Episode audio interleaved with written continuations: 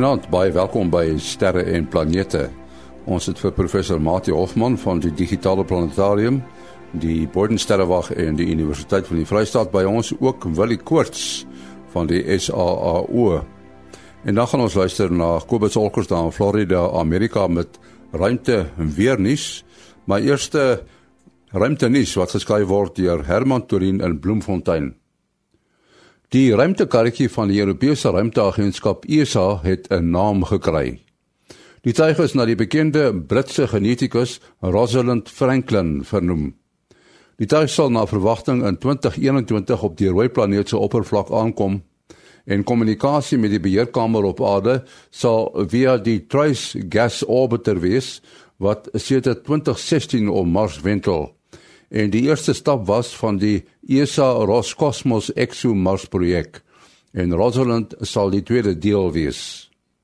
Die doel van die tuig is om vas te stel of daar eens lewe op of onder Mars se oppervlak voorgekom het of selfs dalk nog diep onder die oppervlak voorkom.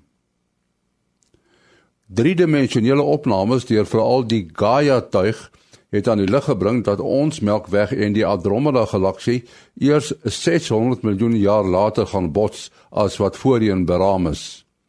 Die botsing sal na verwagting eers oor 5,4 miljard jaar plaasvind. En die botsing sal ook net skrams wees en nie kop aan kop soos voorheen gemeen is nie. Die botsing is egter van geen belang vir die aarde nie, omdat die son dan reeds so sou gegroei het en warm word dat dit oor 3,5 miljard jaar die aarde tot niks sou braai. Ons Melkweg en Andromeda is twee van die hele groep galaksies wat naby aan mekaar geleë is en as die plaaslike groep bekend staan.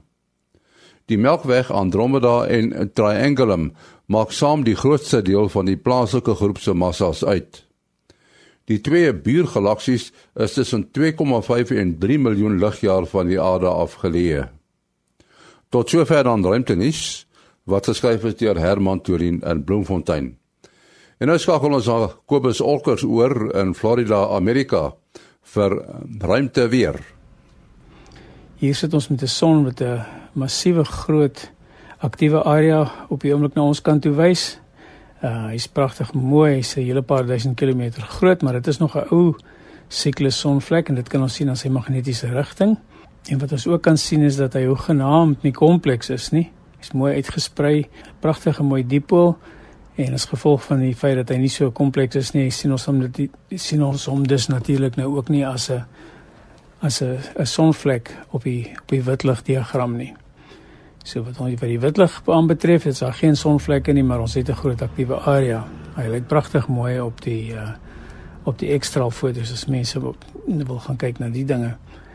Dan het ons uh, 'n korona gat wat uh, hier teen Woensdag al begin geo-effektief raak het. Hy is nou so op die einde van sy geo-effektiwiteit en dit lyk vir my asof daar nou so dwars ene is wat so die hele lengte van die of moet ek sê die breedte van links na regs van die uh son se suidelike halfrond loop. So ons gaan effens 'n uh toe toename kry in sonwindspoed.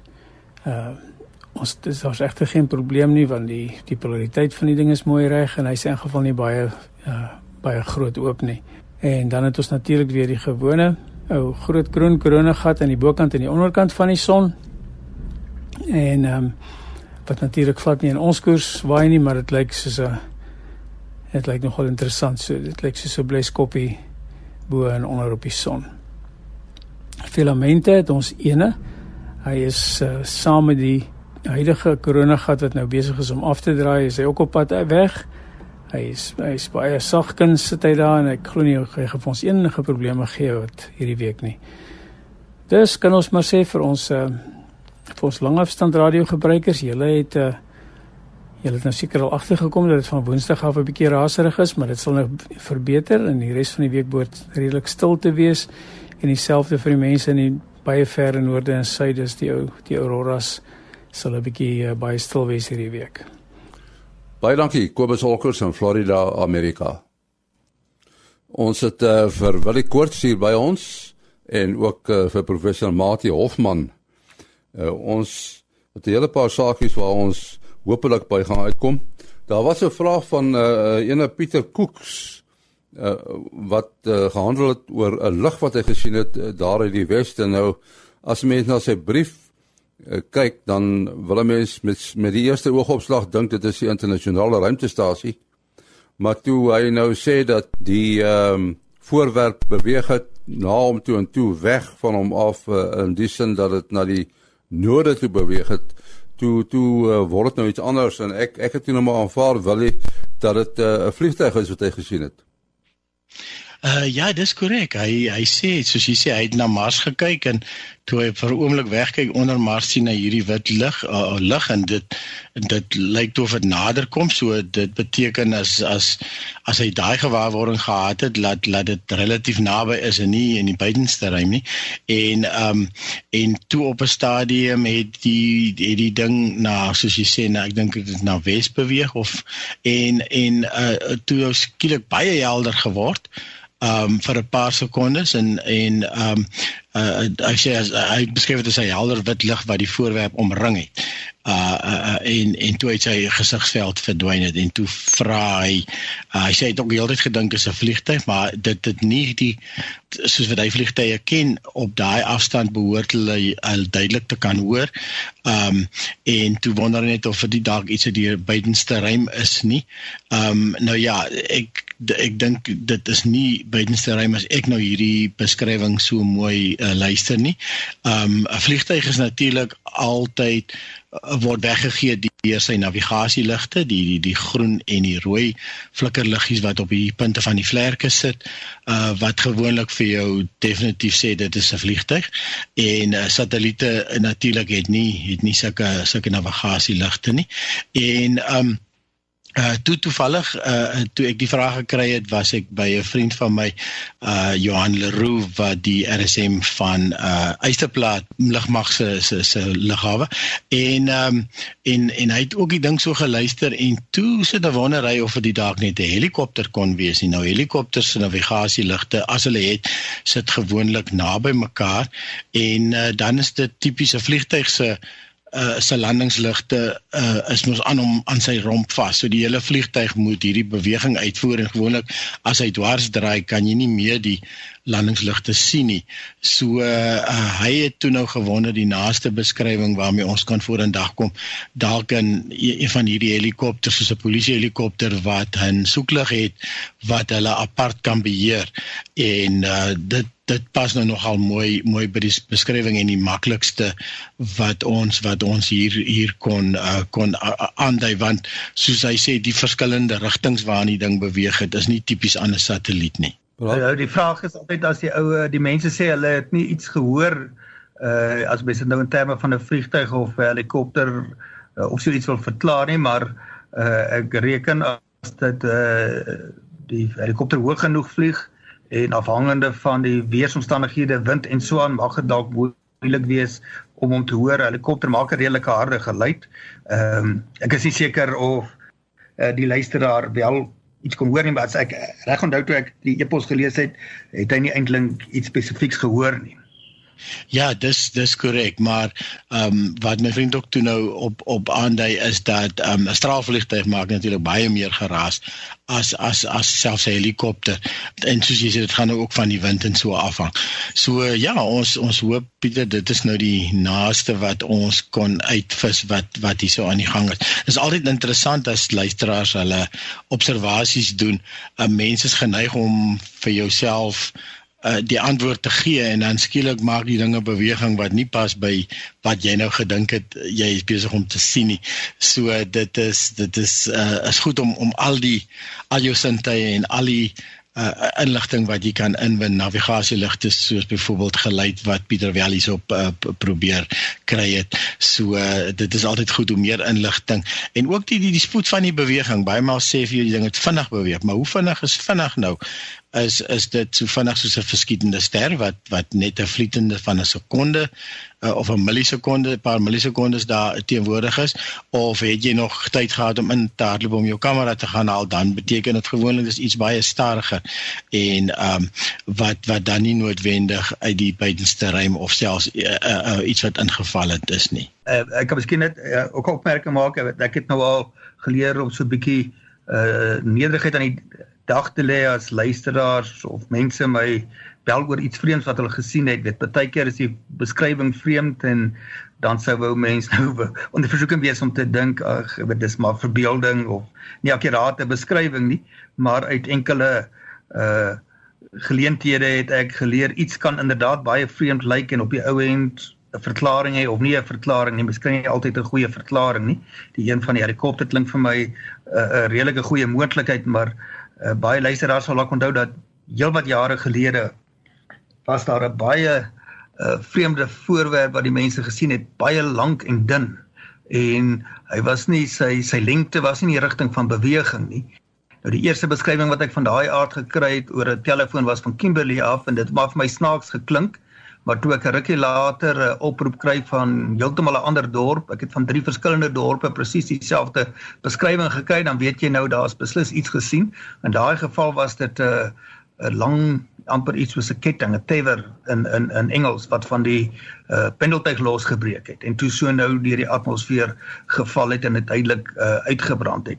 Die die die vreemdste voorwerp wat ek self gesien het en dit het baie moeite ge uh geverg om uiteindelik met 'n verkyker en 'n klein teleskoopie dit te kon ontrafel en was in die helder dagtyd was 'n vreemde blink uh ehm um, amper soos 'n netterige voorwerp wat kom en verdwyn het wat uiteindelik gebleik het reuse spinnekopwebbe te wees wat deur die ligstrome opgeneem is. Maar as dit baie hoog is dan lyk dit baie vreemd. Jy sien net iets eh, van vreemde vorm wat blink is. Uh so gewoonlik die luisteraars iets substansieels weet maar mens moet uh, maar dikwels kopkrap om by 'n redelik aanvaarbare verklaring te kom mens moet net onthou uh, ek het nou die dag uh, staan en kyk by 'n uh, vriend van my se huis uh, in 'n uh, suidelike rigting daar in die rigting van die uh, OR Tambo lughawe. En jy kon duidelik sien hoe vliegtye opstyg en jy sien die lug aankom, maar jy hoor niks. En dit is eers as hy bo oor jou is, hy die geluid begin hoor. So hy is doodstil hmm. tot hy bo oor jou beweeg. Ja, want al die klank word eintlik na agtertoe uitgegooi of, of hoofsaaklik. Ja, dit is nogal baie waar. Goed, ons uh, moet iets sê oor die komeet uh, wat ons laas keer oor gepraat het. Uh miskien wil jy ons net opdateer, Mati? Uh ja, die komeet het die uh afgelope week uh taamlik ge, gevorder, weet 'n komeet beweeg mos maar vinnig as hy naby die die son kom. Ehm um, dit was nou ook hier op die uh, afgelope week op die 19de Februarie ook uh super volmaan. Uh uh die grootste een van die jaar maar op uh, uh op daai aand was die komeet daar by Gemini. Uh nou Gemini is uh, nie te moeilik om te kry, jy weet, laat aand nie die twee helder sterre taamlik ver in die noord uh in die noordooste. Het hy daar verby gegaan, maar nou ehm uh, uh is hy hier op pad uh, op die oomblik uh, hier na in die rigting van Taurus, die noord van Taurus verby. Ehm um, uh, wil jy ek moet nog self met 'n verkyker gaan gaan opspoor, want het 'n baie mooi foto juis op 19 Februarie geplaas onder Astronomy Picture of the Day wat hulle die komeet saam met 'n uh, sterrestelsel van vergelykbare helderheid afgeneem. Dit die groenerige skynsel van die van die komeet. Dit is nogal iets wat die luisteraars kan gaan gaan opsoek onder Astronomy Picture of the Day vir 19 Februarie want hulle so 'n uh, videoetjie gemaak uit 'n paar skote uit want in 'n uh, oor 'n kwessie van 3 ure die hoe die posisie verander het. Dit kan in 'n 'n kwessie van 'n uur kan jy sien hoe 'n komeet beweeg as jy nou met 'n teleskoop of 'n verkyker 'n uh, uh, uh, dop hou. Uh, ja, iets wat die mense ook dit is interessant so hierdie videoetjie is baie oulik soos jy sê en ehm um, maar dit versterk amper baie maal die miskonsepsie wat mense het van komete. Ons het verlede naweek met uh, 96 graad sessies 'n uh, voortrekker uh, sterkende 'n uh, ding gedoen en toe ons terugkom en ek verduidelik ons 'n bietjie gaan sterre kyk was mooi oopgetrek en toe ons terugkom uh, in ons behandel komete toe sê die een ja maar hy het vanaand twee komete gesien. En uh, met die dat die komete, en ek sê toe nou waar is hulle nou? Nee nee hulle het hulle net gesien en hulle is weg. So uh, die publiek is nogal of baie mense wat nog nooit 'n komeet gesien het of uh, in die vreeslik baie daarvan weet nie is nogal geneig om te dink hy beweeg soos in hierdie video soos jy nou sê dit is 3 ure se observasies daardie so jy kan hom dis amper soos om die uurwyser van 'n horlosie Dis reg. So as jy nou die uurwyser van 'n horlosie dop en dan lyk dit of hy stil staan, maar as jy net weer kyk, het hy daarin beweeg. So van aand na aand sal 'n komeet beweeg en um en dit is definitief nie iets wat ehm um, beweeg soos wat hulle in die in die flieks ongeveer wys nie. Matie, ek wil by jou weet, wat is die verskil tussen 'n spektrometer en 'n spektrograaf? Uh 'n spektrograaf dis die, die term wat ek gewoond is ons in die sterrekunde gebruik wanneer jy, jy weet uh spektrometrie op 'n teleskoop doen en uh en jy vang daardie spektrum op 'n uh, as 'n beeld vas uh op uh, op 'n CCD kamera. Uh 'n spektrometer, wil jy moet daar help as want jy's nou diep in die instrumentasie uh, in. Ehm uh, weet jy kan 'n apparaat uh opstel wat nou vir jou is 'n spektrum gee via prisma of 'n diffraksierooster en dan kan jy 'n 'n oogstuk hê wat jy verstel en wat jy die die met 'n spektrometer die lig uh lyne die verskillende kleure lig in die spektrum kan sien jy kan die hoeke waarteen jy die verskillende lyne kry en daaruit kan jy nou uh golflengtes en frekwensies gaan uh gaan meet. Uh jy baie keer op so 'n spektrometer het jy so 'n uh, 'n uh, drommetjie wat jy stel met 'n baie op jy die golflengte kan aflees en soos jy hom draai en, en dan, dan kyk jy deur 'n spleet en dan kan jy nou verskeie sekere kleurlyne sien nou maar 'n rooi lyn en dan kan jy nou op die drommetjie kan jy nou die golflengte baie akkuraat gaan gaan afmeet. So wil jy is my interpretasie daaromtrent reg dat die die spektrograaf is waar jy die beeld vas lê en wat jy gewoonlik op 'n teleskoop doen. Op die teleskoop het jy is jou lyne nie tipies helder genoeg dat jy nou met 'n visueel uh, met 'n gaan verstel tot jy nou die bepaalde kleurlyn in 'n in 'n spleet kry nie. Uh ja, ek dink ook omtrent so want ek uh uh, uh en jy het my ook nou 'n bietjie onkant gevang hierso. Ons sal dalk nou moet mooi gaan Google, maar dit is reg soos jy sê spektrograaf is gewoonlik die instrument wat onder 'n teleskoop sit of staan nie eers noodwendig onder 'n teleskoop nie. En uh, uh dan die spektrometer sal ek amper sê is half die die meetgedeelte van van hom wat dalk 'n onderdeel is. Want interessant genoeg in uh, in in salt salt het twee spektrograwe. Een wat bo op die loonvrag sit waar die lig bymekaar kom en direk die bundel lig wat van die teleskoop af kom inneem en en op opbreek in sy uh, kleure en uh, dan is daar 'n tweede een uh, wat hulle uh, wat 'n hoë resolusie spektrograaf is dis waarmee hulle byvoorbeeld die beweging van 'n ster die wobble van 'n ster kan waarneem as daar 'n groot planeet om dit wentel. Um en dit is 'n baie baie hoë resolusie en hy word gevoer met 'n optiese vesel. Um so in die ou jare het ons het ons spieëls gehad wat die lig vir jou in 'n sekere rigting bons. Uh ons ou groot teleskoop in Sutherland die 74 duim of die 1.9 meter het nog so 'n oorstelsel oorspronklik gehad en en, en deesdae voer ons hom ook met 'n optiese vesel wat dit baie makliker is en uh, in die hoë resolusie spektrograaf moet in temperatuurbeheer baie baie hoë fyn temperatuurbeheer omgewing uh moet hy staan om so sensitief te kan wees om daardie wobbles van die sterre te kan waarneem. En um so die, die hele instrument staan eintlik binne in 'n massiewe tank waar op daar so middelmatige vakuum getrek word sodat die invloed van die temperature van buite af net net nie so hoog is nie. En uh interessant genoeg dan praat hulle van die spectrometer room en dit is dan die spectrometer room staan in die die spektrograaf staan in die spectrometer room. Ja, so ja, da da ja verwarring in terminologie maar wat ek weet hier in ons fisika departement is die baie spektrometers wat ek met groot gemak kan uh, kan ronddra en daardie spektrograaf van enige groot teleskoop gaan jy nie man alleen of vrou alleen optel nie. Uh so die die spektrometers wat ons hier gebruik is so uit uit 'n oogstuk deel en uit 'n teleskopiese deel, die een gee vir jou gepolymeerde bundel lig vanaf die ligbron. Ehm um, wat dan nou basiese parallelle bundel lig gee wat dan nou deur die diffraksierooster gaan uh en dan uh, word die verskillende kleure in die verskillende rigtings geskei en dan kan jy nou die met 'n uh die die, die oogstuk gedeelte kan jy nou draai rondom die punt waar die die die, die ligkleure geskei word sodat jy kan meet watter kleur lig gaan watter uh, rigting. En uh, dis 'n uh, kan 'n klein apparaatjie wees. Ons het 'n hele paar hier in die eerste jaar laboratorium maar dan het ons in die, die derde jaar moderne fisieke laboratorium met ons 'n bietjie swaarder meer gesofistikeerde een.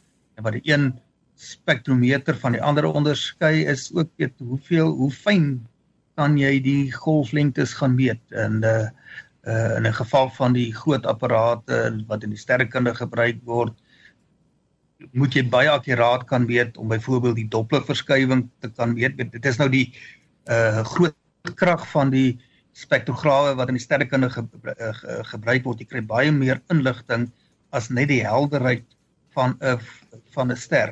Uit die helderheid wat jy van 'n ster of hemelliggaam meet, kan jy baie aflei as jy dit byvoorbeeld in verskillende filters sou meet of veral as jy dit op verskillende tye meet. As jy nou die die die volle spektrum meet, dan beteken dit jy meet 'n groot verskeidenheid golflengtes vanaf wel met apparate kan jy dit ook in die infrarooi meet tot die ultraviolet, nie net wat jy met die oog kan kan sien nie, maar dan kan jy ongelooflike inligting. Jy kan byvoorbeeld gaan uh, inligting kry oor hoe die son se oppervlakte op en af beweeg. Dit as 'n ligbron na jou te beweeg word bepaalde golflengtes wat byvoorbeeld deur waterstof uitgestraal word, uh, word of bietjie na die rooi kant toe of bietjie na die blou kant toe verskuif afhangende van of die ligbron wegbeweeg, dan kry jy die rooi verskywing en as hy na jou toe beweeg, kry jy die blou verskywing. En as jy baie akkuraat kan meet, dan kan jy uh, daardie oscillasies van die son se oppervlak byvoorbeeld weet. Jy kan dit gaan toepas ook op sterre. Weet hulle praat van die jy kan uiteindelik astroseismologie gaan doen deur dit te gaan doen. Jy kan die rotasie van sterre gaan aflei. Uh want die een kant van die ster as hy roteer beweeg uh weg van jou af en die ander kant beweeg meer na jou toe. Of alhoewel jy nie die twee kante apart kan onderskei nie, gaan jy as jy nou na die golflengte van 'n uh, bepaalde golflengte van element wat daar by die ster voorkom kyk, uh gaan jy uh, drie lyne sien. Die die die een wat by die beweging loodreg op die uh, siglyn, met ander woorde hy beweeg nie na of van jou af nie en dan gaan jy 'n bietjie korter golflengte en 'n bietjie langer golflengte kry vir die twee kante wat meer of minder uh van jou af weg beweeg. En dit is die eerste keer gedoen uh daardie proses nogal deur is sterrekundige wat hier in Bloemfontein was, Rossiter. Hy die eerste sodanige meting gedoen nie terwyl hy in in in Bloemfontein was nie. Hy het sy doktorsgraad daar op in Amerika gedoen by die Universiteit van Michigan. Die manier wat ek dit sommer altyd vir die kinders verduidelik as jy om dit net verstaanbaar te maak, elke elke element in die heelal het het 'n streepieskode en uh dis eintlik nou die absorpsie of emissielyne wat wat jy dan van gepraat wat jy dan juis met 'n spektrometer meet en um dan uh uh dan as jy dan na ster kyk en jy kan lees al daai streepieskodes dan kan jy nou kan jy nou sê wat wat wat alles in die ster teenwoordig is. So dis eintlik 'n baie eenvoudige manier om om dan na te kyk. Ja, ek sê ding nou daaraan ons kry dieselfde terminologie met 'n spektrograaf uh, met 'n uh, seismograaf of 'n seismometer en dieselfde op Sutherland het ons ook as 'n uh, 'n uh, 'n seismograaf uh, uh, uh, wat die aardbewings meet en en en en hulle praat van die seismometer as die instrument self wat op die um op die pier sit op die op die op die um pilaar wat op die bodemrots vas is waar die meting self gedoen word. So dit blyk my amper die die die meter gedeelte is dan 'n onderdeel van die graaf gedeelte wat die groot instrument is. Ja, ehm um, Mati, uh, jy het seker nou gehoor dat uh, die Mars 1 projek is uh onder die reisbankrot. Ja, ek het dit verneem, ek het nie baie inligting daaroor nie. Ehm um, dis nou hartseer vir die paar Suid-Afrikaners wat op die die die kortlys was. Ek dink daar was 3, ten minste 3 Suid-Afrikaners uh, onder andere Andrea, Dr. Andrea Andriana Mare uh wat voorheen by die Universiteit van KwaZulu-Natal was. Ehm um, weet ek persoonlik het altyd gereken dit is 'n baie ambisieuse uh projek, die tydskaal waarop hulle dit wou doen. Dit is nou baie verbeelding aangegryp, maar dit was maar erg daarom te dink dat 'n klomp hoogs bekwame mense 'n eenrigting kaartjie Mars toe kry. Dit is nie 'n konsep waarvan ek gehou het nie. Uh, hulle hulle het nou gedink dit is baie avontuurlustig. Uh, weet as mens baie probleme met die ontvanger van inkomste of so iets het, dan is dit dalk iets wat jy sal oorweeg om 'n eendag kaartjie te kry. Ehm uh, uh, ek persoonlik is is meer opgewonde dat ons sal seker uiteindelik uh, dalk in ons leeftyd mense op uh, op Mars sien. Dit is sekerlik moontlik, maar baie duur en 'n uh, hoë risiko.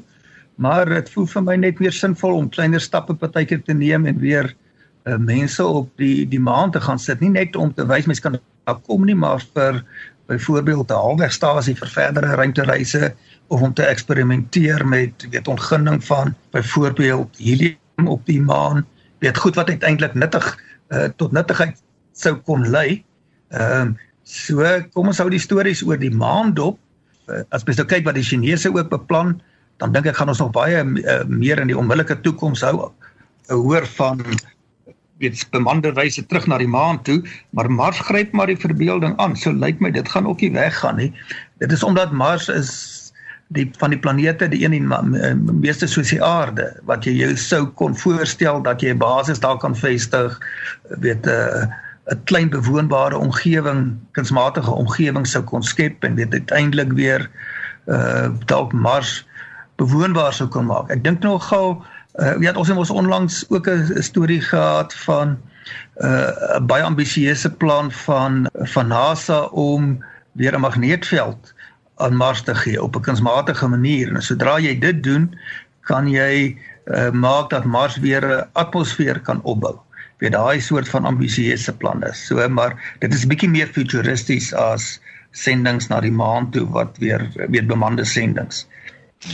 Ja, ek het ook toevallig 'n ouetjie wat ek ken wat ook deelgeneem het. As ek een van die deelnemers met die Mars One en hy's eintlik 'n filmmaker en uh maar hy sê die dit was maar vir hom 'n taamlike hoi paloi historietjie gewees die die die uh toerusting jy, jy moes mos nou so half so nagemaakte ruimtepak aantrek. Dit is maar net om om om om vir jou 'n gevoel te gee van as jy heeldag aan hierdie ding moet wees met 'n met 'n so 'n perspex bubble oor jou kop maar hy sê die bubble was so geskraap geweest jy kon niks deur daai ding sien en en hy het net toestemming gekry om die ding maar af te haal want anders sou hy nie 'n film kon maak nie. So dit was interessant uh, die die begroting klink my was ook nie baie groot nie en en nou nou uit die hart van die saak het dit nog laat nie finansiëel uitgewerk nie Nou ons moet ongelukkig uh, halt erop hier.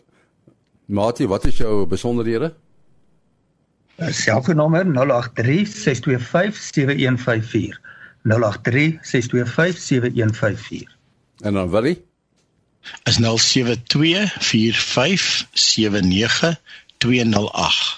0724579208. En dan uh, my e-posadres is maas.henny@gmail.com. maas.henny@gmail.com. En onthou dit is die adres waarheen u u vrae kan stuur wat ek dan weer op my beurt na die span sal stuur vir beantwoording in die program sterre en planete. Tot volgende week. Mooi bly.